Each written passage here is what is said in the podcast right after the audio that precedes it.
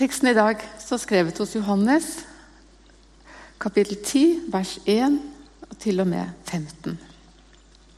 Sannelig, sannelig, jeg sier dere.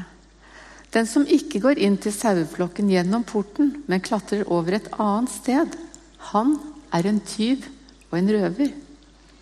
Men den som kommer inn gjennom porten, er gjeter for sauene. Portvokteren åpner for ham, og sauene hører stemmen hans. Han kaller sine egne sauer ved navn og fører dem ut.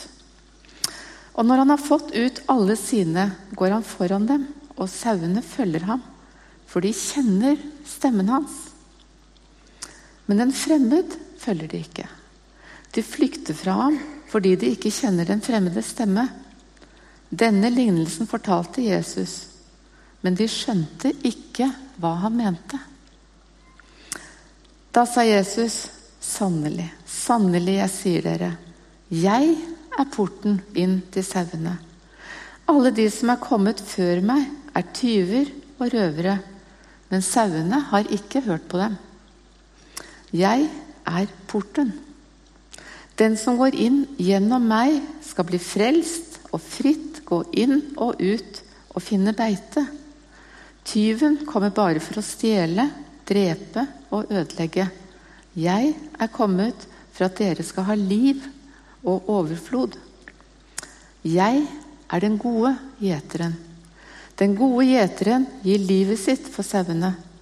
Men den som er leiekar og ikke gjeter, og som selv ikke eier sauene, han forlater dem og flykter når han ser ulven komme. Og ulven kaster seg over dem og sprer flokken. For han er bare leiekar og har ingen omsorg for sauene. Jeg er den gode gjeteren. Jeg kjenner mine, og mine kjenner meg, slik som far kjenner meg, og jeg kjenner far. Jeg gir livet mitt for sauene. Slik lyder Herrens ord.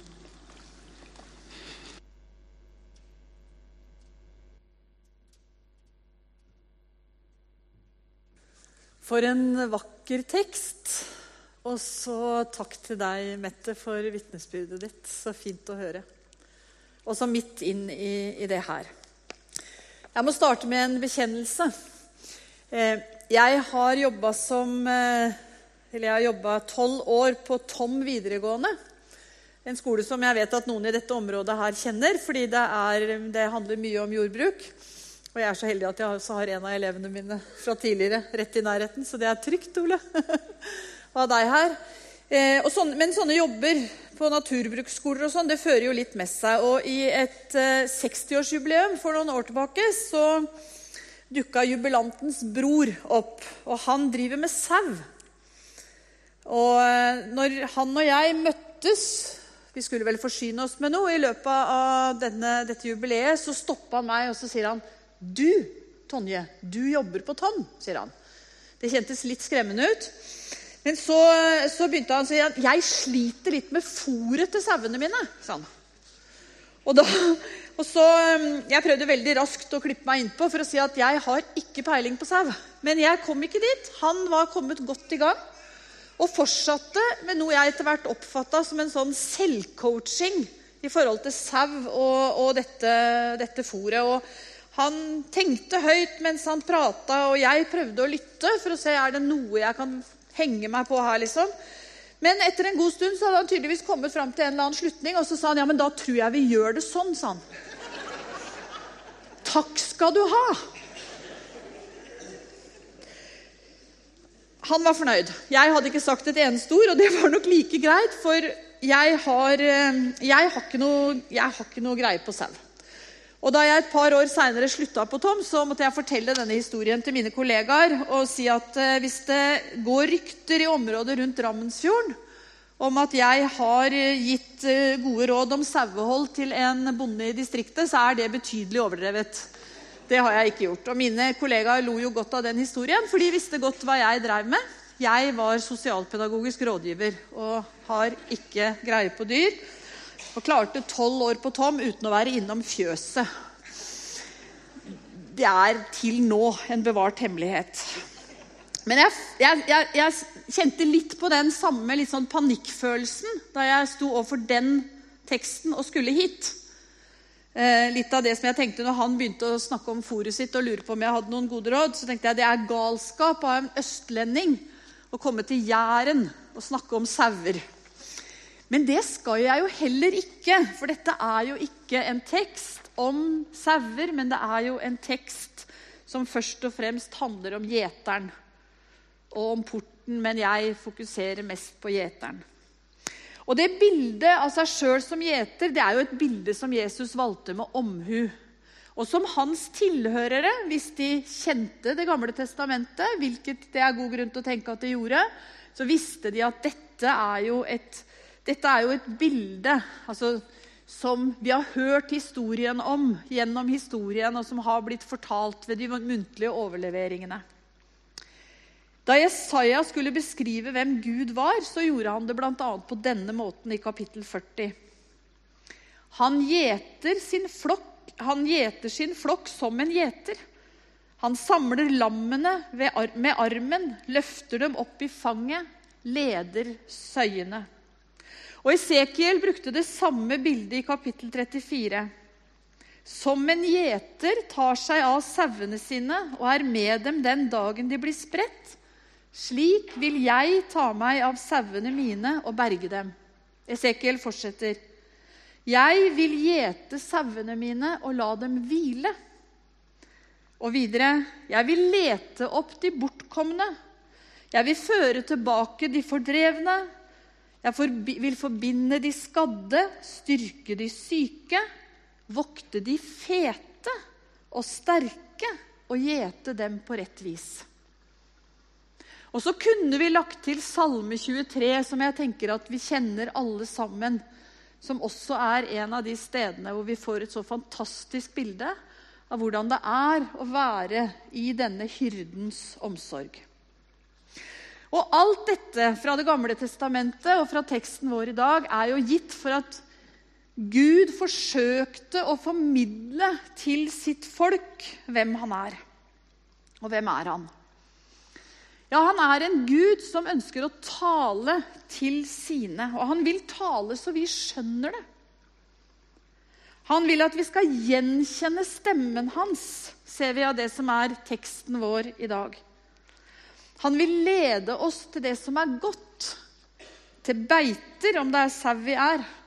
Og han vil leite etter oss når vi blir borte, for et fantastisk løfte. For vi blir jo det innimellom.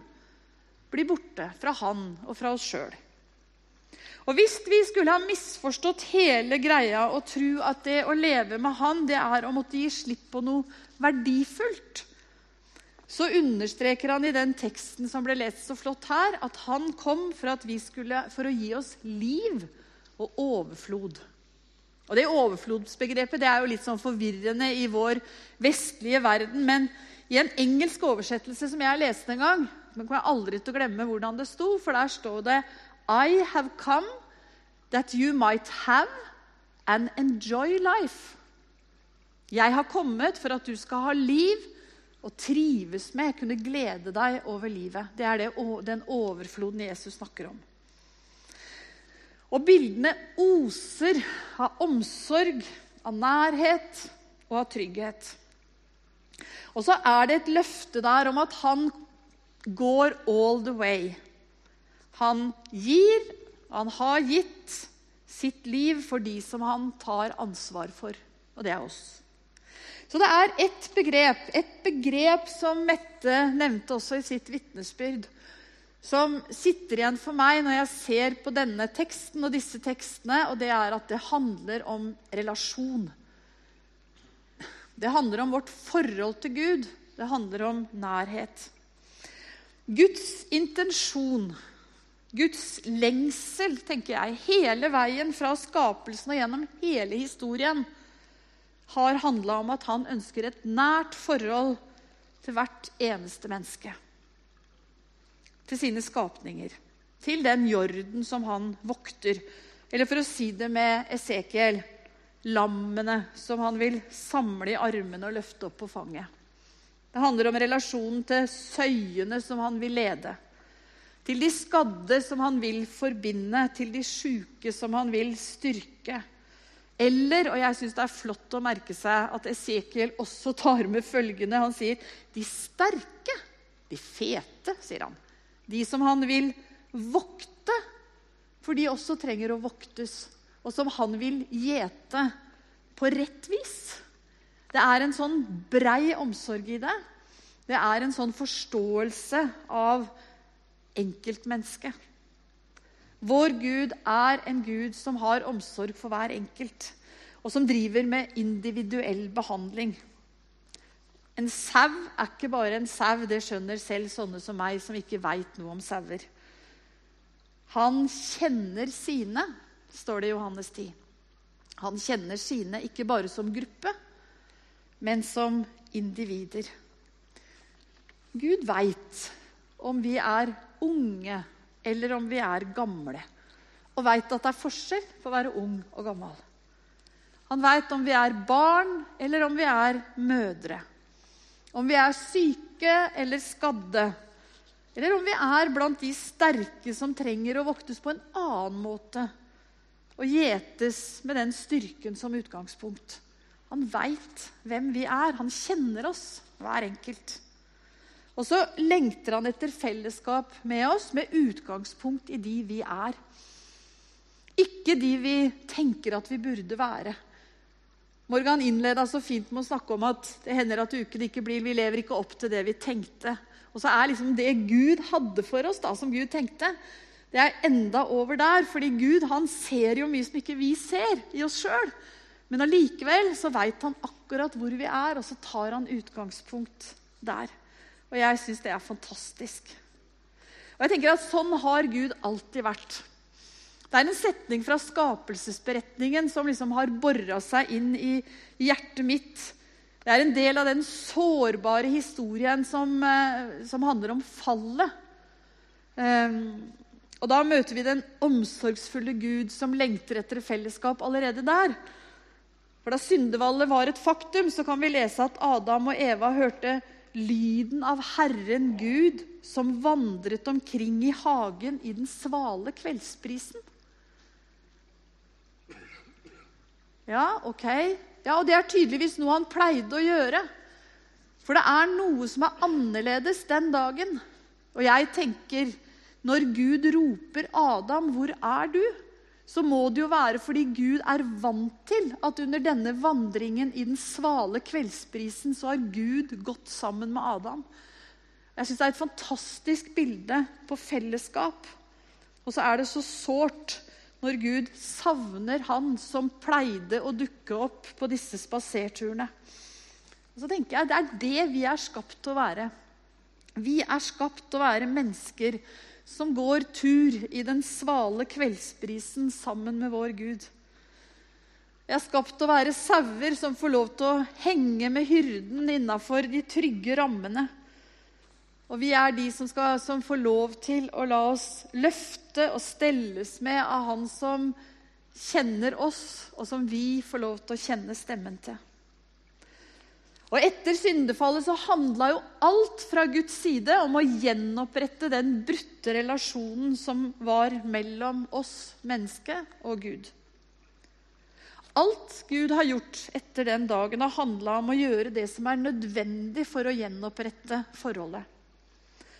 Derfor kom Jesus som et lite barn i jula. Og derfor ga han livet sitt for oss. Og fordi han gjorde det, fordi han kom, og fordi han strekte seg så langt som ingen andre har strukket seg, så ligger alt til rette for at du og jeg kan få lov til å leve i denne nære relasjonen med Gud hver eneste dag. Og så er spørsmålet mitt også etter at jeg har vært kristen i 50 år, for det fikk jeg lov til å feire i høst. da. Det var 50 år siden jeg møtte Jesus som, som 15-åring. Eh, Sånne ting blir det jo mye refleksjoner av. Og så tenker jeg liksom, Fremdeles så har jeg dette spørsmålet. Hvordan kan jeg gjøre det i praksis, det å leve i denne relasjonen med Jesus? Og jeg tenker Når jeg er i en menighet som det her, på dette kristelige stedet hvor dere er så mange, og jeg står og fryder meg når hele den nattverdkøen går forbi meg, så tenker jeg her er det mange mennesker som har sikkert gode og imponerende systemer for hvordan de er sammen med Gud og for sin bibellesning og alt det der.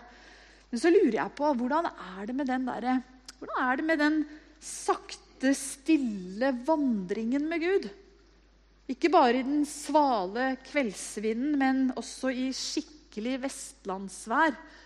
Begge deler har overført og jeg holdt på å si direkte betydning. Hvordan er det med spaserturene? Hvordan er det med tida uten lyd utenfra, den tida som vi kan bruke til å puste, være hos Gud, reflektere eller bore lenge i et bibelvers og lure på hva ønsker du å si meg? Og lytte. Jeg er sikkert ikke den eneste som har drivet og forklart relasjonen til Gud eller dette med bønn ved å sammenligne det med en telefonsamtale. Jeg har gjort det mange ganger når jeg prøver, skal prøve å, å, å, snakke med barn om hva bønn er. Og så sier jeg Det er liksom når du snakker med noen i telefonen, og så deler du ditt hjerte. Og så kan du være stille og høre hva den andre har å si. Eller kanskje det er han som har, eller henne som har noe på hjertet først. Det veit vi jo ikke. Det handler om en slags gjensidighet, det å be. Det handler om å dele, om å lytte. Men for mange av oss har kanskje den telefonsamtalen blitt en sånn enveissamtale der vi tømmer ut det vi har på hjertet, og det inviterer Guds ord oss til, så det skal vi få lov til. Men så legger vi på. Jesus sier at eh, de sauene som følger han, de følger han fordi de kjenner stemmen hans. Og da tenker jeg fordi de lytter etter den. Og mange jeg vet ikke hvordan det er med deg, men mange blir veldig sånn urolige når vi begynner å snakke om det der med å høre Guds stemme. For hvordan kan jeg vite at det er Gud som taler?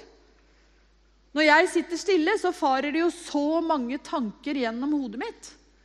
Ja, og noen av dem er helt sikkert ikke fra Gud. De bare kommer fordi du er stille nok til at de er der, og så sniker de seg inn. Og noen av de er lette å legge til side. Du kan kanskje skrive det opp hvis du kommer på noe, sånn at du slipper å sitte og tenke på det hele tida. Så kan du ha det der til etterpå. Eller så kan du legge det ved siden av. Hvis det handler om at eh, ja, når jeg skulle, å, jeg skulle hente ut, uh, ut middagen av fryseren. Ja, ja, så skriv det ned, da. Det er ikke, det er ikke sikkert det er Gud, men det kan jo ha vært han.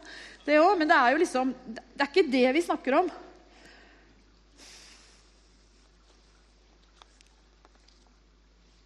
Noe er bare tankespill. Andre er noe helt annet. Jeg lærte av en av mine mentorer sånne, noe om sånne tanker når det gjaldt mennesker. Han var en eldre mann, død nå. Og Så lå han stille i sengen om morgenen sa han, og prøvde å være stille sammen med Gud. Og Så sier han, og da hender det at det kommer noen mennesker og setter seg på sengekanten min. De kom ikke fysisk, ikke sant? men de kom i tankene hans og satte seg på sengekanten hans. Og Da sa han, da lar jeg de sitte der litt, og så velsigner jeg dem. Og så lar jeg de gå videre ut i dagen. Og Det ble en hjelp for meg når det gjaldt mennesker. For veldig når jeg prøver å være stille for Gud, så er det mennesker som dukker opp. Og så har jeg liksom prøvd å ta de litt vekk. da. Jeg skulle ikke tenke på henne nå, eller han nå. Men så har jeg vent meg til isteden, så ønsker jeg de på en måte velkommen. Og så ber jeg en velsignelse over dem og dagen, og så lar jeg de gå, gå videre. Og da, når de har blitt velsigna, så går de ofte. Det er fint. Og Noen ganger så kommer det litt mer i samme pakka en tanke om at jeg skulle skrevet en melding, eller kanskje at jeg skulle besøkt eller gjort et eller annet. Og Da kan jeg jo igjen begynne å lure. da Er det Gud, eller er det meg? Men så tenker jeg hvis ikke jeg skal si noe sånn veldig formanende eller alvorlig, så er det jo det samme om det er Gud eller meg, hvis de får et ønske om en god dag. Det er jo ingen som tar skade av å få en sånn hilsen i innboksen, tenker jeg. Jeg prøver for meg sjøl å gjøre det enkelt. Veldig ofte noe jeg har måttet venne meg av med, det er at jeg tenker som oftest at det første som kommer ned i hodet mitt, det er sikkert fra meg sjøl. Så har jeg begynt å oppdra meg sjøl til å si at det er kanskje det første som kommer ned i hodet mitt, kanskje det er hyrden. Kanskje det ikke er meg, men kanskje det rett og slett er Jesus. For jeg trenger jo, og jeg kan gjøre det på basis av den teksten vi delte i dag trenger jo å øve meg på å høre stemmen, for det er jo det Jesus vil. Og Da tenker jeg, da vil han jo tale til meg. Det er jo sånn jeg kan lære den stemmen å kjenne. Så det er ikke bare det at han kan det, men at han faktisk gjør det. Han snakker til oss om livet vårt, om vennskapet mellom oss og han. For det er jo det denne relasjonen handler om. Det handler om et vennskap. Og Hvis vi blar oss noen kapitler lenger ut i Johannesevangeliet og kommer til Johannes 15, eh, eller litt før det, så, så kommer vi til at Jesus vasker disiplenes føtter. Eh, og så begynner han å tale. Og Det gjør han gjennom flere kapitler. Slutter han med å be i Johannes 17, et langt kapittel. Og så står det at han og disiplene gikk over bekken Kedron og inn i hagen. Og så tar liksom påskedramaet helt av. Den talen der, det er jo noe av det siste Jesus deler, og jeg pleier å kalle det for Jesu testamentet. Og jeg tenker, Den teksten må vi se på, som begynner da i Johannes 12-13 og varer i alle disse kapitlene. Og sånn Midtveis der så er det akkurat som Jesus avbryter seg sjøl, og så sier han Ingen har større kjærlighet enn den som gir livet for vennene sine. Ikke sant? Johannes 10. Og så sier han, 'Dere er mine venner hvis dere gjør det jeg befaler dere.' Litt sånn sterk greie, men jeg tror det handler om å tro på han. Og så sier han, 'Jeg kaller dere ikke lenger tjenere, for tjeneren vet ikke hva Herren hans gjør.' 'Jeg kaller dere venner.' For jeg har gjort kjent for dere det jeg har hørt av min far. Jeg kaller dere venner. Hva handler vennskap om? Jo, hvis Jesus skal definere det ut fra den teksten, så handler vennskap det handler om å snakke sammen. Det handler om å dele, og det handler om å lytte. Jo, han har et oppdrag til alle sine barn, ikke som tjenere, men som venner. Og venner av en som vil dele hjertet sitt med oss. I den gamle oversettelsen så sto det 'Jeg har kalt, sagt dere alt jeg har hørt av min far'. Alt jeg har hørt av min far, det har jeg sagt til dere. Jeg vil at dere skal høre det. Han har sagt det i sitt ord, men han ønsker også å tale til hjertene våre. Så tro at Gud taler til deg om livet ditt når du er stille sammen med Han. Din hyrde vil at du og jeg skal høre hans røst, sånn at vi kan vite hvordan vi skal gå videre. Jeg har lyst til å dele en opplevelse avslutningsvis fra mitt eget liv. En episode som ligger langt tilbake i tid, men som Gud for bare halvannen uke siden eller noe sånt, trakk fram igjen og brukte på en annen måte i livet mitt. Er ikke det sånn rart han kan det? Og det, Da må jeg tilbake til 1976. Det er lenge siden. Men det året var jeg russ, og mine foreldre tok meg med på en ukes tur til London. Og Det var en tur som jeg fremdeles ser tilbake med, glede, med glede, for vi hadde det så utrolig hyggelig sammen. Og Den historien som jeg skal fortelle nå, den har jeg fortalt mange ganger. fordi det er et poeng for meg innimellom å si at vet du hva? folk flest er gode. Så da har jeg brukt denne historien snakke om det at de fleste mennesker er greie når folk blir veldig redde. Og det blir vi jo innimellom, for vi tror jo at alle rundt oss stjeler. og alt sånt, Men folk flest er ganske gode, og historien er som denne. En av de dagene som vi var i London, så var vi, det var avsatt til shopping. Jeg har aldri vært veldig god på shopping, men vi hadde en dag på det. Og det holdt for meg. Jeg syns museer og andre severdigheter og sånn er mye mer attraktivt. Men jeg hadde vært på Boots, eh, og så hadde jeg kjøpt sjampo og hårspray. Dette var før vi hadde skum og sånne ting. Hårspray, bodylotion. Alt hva en 18-åring kunne begjære. Sikkert et, nesten et årsforbruk. Jeg skulle på folkehøyskole og trengte det. Og På veien tilbake til hotellet så, så rusla vi gjennom Hyde Park.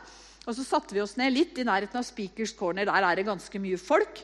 Og jeg ble veldig fascinert av det som skjedde der. Litt i overkant antageligvis, for da vi kom tilbake på hotellet, så oppdaget jeg at uh, denne bæreposen med skattene fra Boots den hadde blitt igjen i Hyde Park.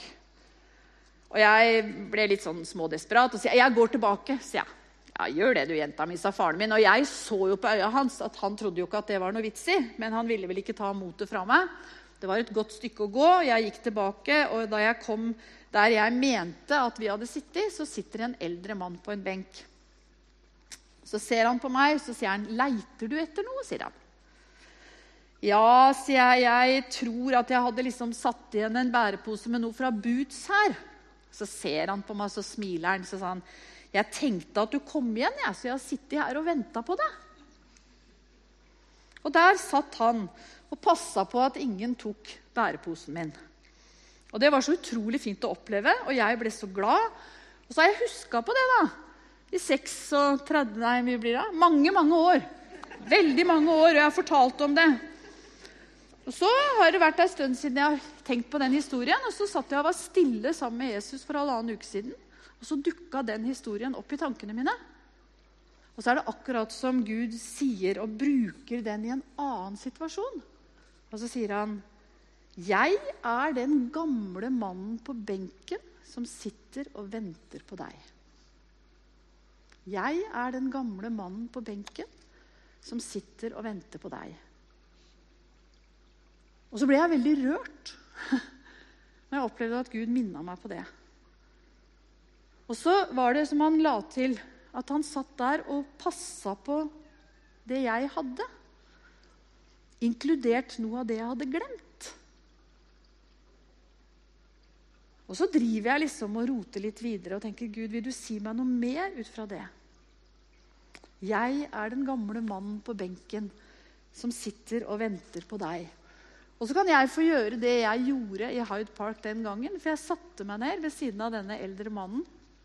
Og jeg takka han for at han hadde passa på sakene mine. Og så tenkte jeg så fantastisk med et menneske som hadde tid til akkurat det. Og det er jo også en sannhet ved Gud. da. Han har tid til å vente på oss. Sånn kan Gud tale, og sånn er Gud. Som en mann som sitter og venter på at jeg skal sette meg ned ved siden av han og nyte stillheten eller lette mitt hjerte. Eller lytte. Han er skaperen som vandrer omkring i hagen i den svale kveldsbrisen og håper at du og jeg skal slå følge. Han er gjeteren som leder oss hver dag med utgangspunkt i våre behov og han forteller oss hvor vi skal gå. Han er den gjeteren som har den der vanvittige, betingelsesløse kjærligheten og overgivelsen til hver enkelt av oss. Den som gjør at han setter alt sitt eget til side, sitt eget liv, for å gjøre det bare han kan gjøre, for at du og jeg skal ha liv og overflod.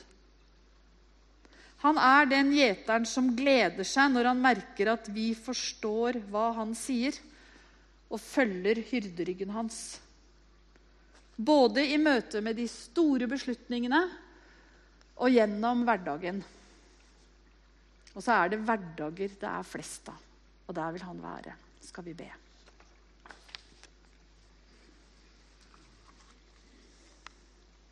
Takk, Gud, at du er vår hyrde. Takk at du venter på oss.